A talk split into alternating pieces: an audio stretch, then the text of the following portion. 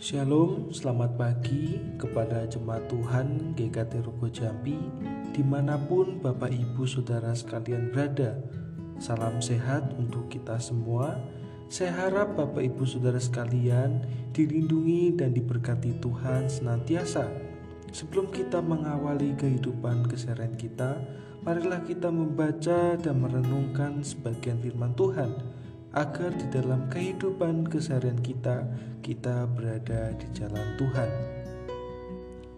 Renungan pada kesempatan hari ini terambil dalam Ibrani 3 ayat ke-12. Demikian firman Tuhan, Waspadalah hai saudara-saudara, supaya di antara kamu jangan terdapat seorang yang hatinya jahat, dan yang tidak percaya oleh karena ia murtad dari Allah yang hidup. Bapak, ibu, saudara sekalian, ayat ini mempunyai konteks, yaitu Yesus lebih tinggi daripada Musa. Musa digambarkan sebagai tokoh yang setia dalam pelayanan Tuhan. Terlebih lagi, Yesus setia dalam melaksanakan kehendak Bapa.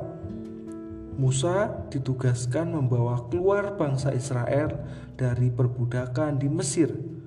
Lebih lagi, Yesus ditugaskan oleh Sang Bapa untuk membawa umat manusia dari perbudakan dosa.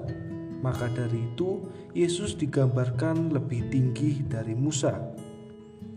Tidak sampai di situ saja, penulis kitab Ibrani juga memberikan peringatan bagi orang percaya sama halnya dengan bangsa Israel yang telah Musa bebaskan dari perbudakan di Mesir atas pertolongan Tuhan. Justru bangsa Israel telah melakukan banyak sekali kejahatan. Banyak yang mengeluh sehingga membuat mereka berpaling dari Allah.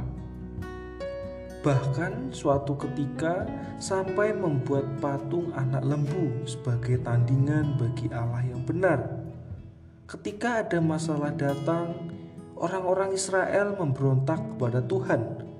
Ketika mereka kehausan, mereka menyesal telah dibebaskan dari Mesir, dan banyak lagi kejahatan yang telah dilakukan oleh bangsa Israel. Oleh karena itu, penulis Ibrani memberikan peringatan kepada orang percaya pada waktu itu dan saat ini Ketika kita telah dibebaskan dari perbudakan dosa dan telah menjadi orang percaya, jangan sampai kita selalu berbuat kejahatan lagi. Jangan lagi mengeluh ketika mengikut Tuhan. Bahkan mungkin menyesal karena ikut Tuhan Yesus. Sama halnya bangsa Israel. Wah, saya menyesal keluar dari tanah Mesir atau mungkin wah saya lebih enak tinggal di Mesir dan lain sebagainya.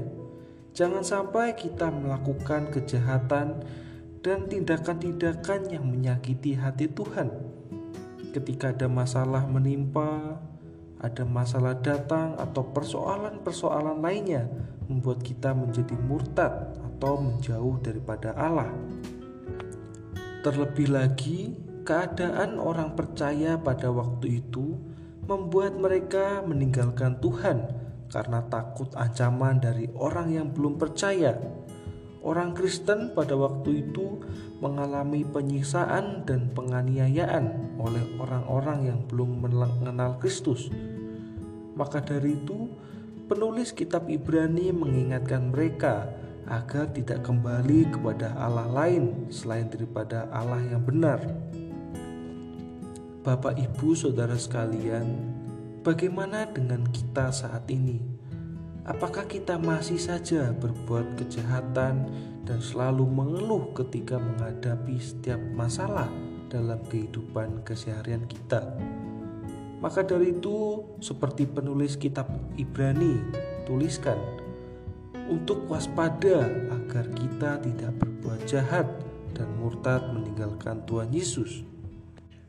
Biarlah melalui kisah perjalanan bangsa Israel, kita belajar untuk tetap waspada agar di dalam kehidupan setiap kita, orang-orang percaya yang telah Yesus bebaskan dari perbudakan dosa tetap hidup kudus dan tidak lagi berbuat jahat.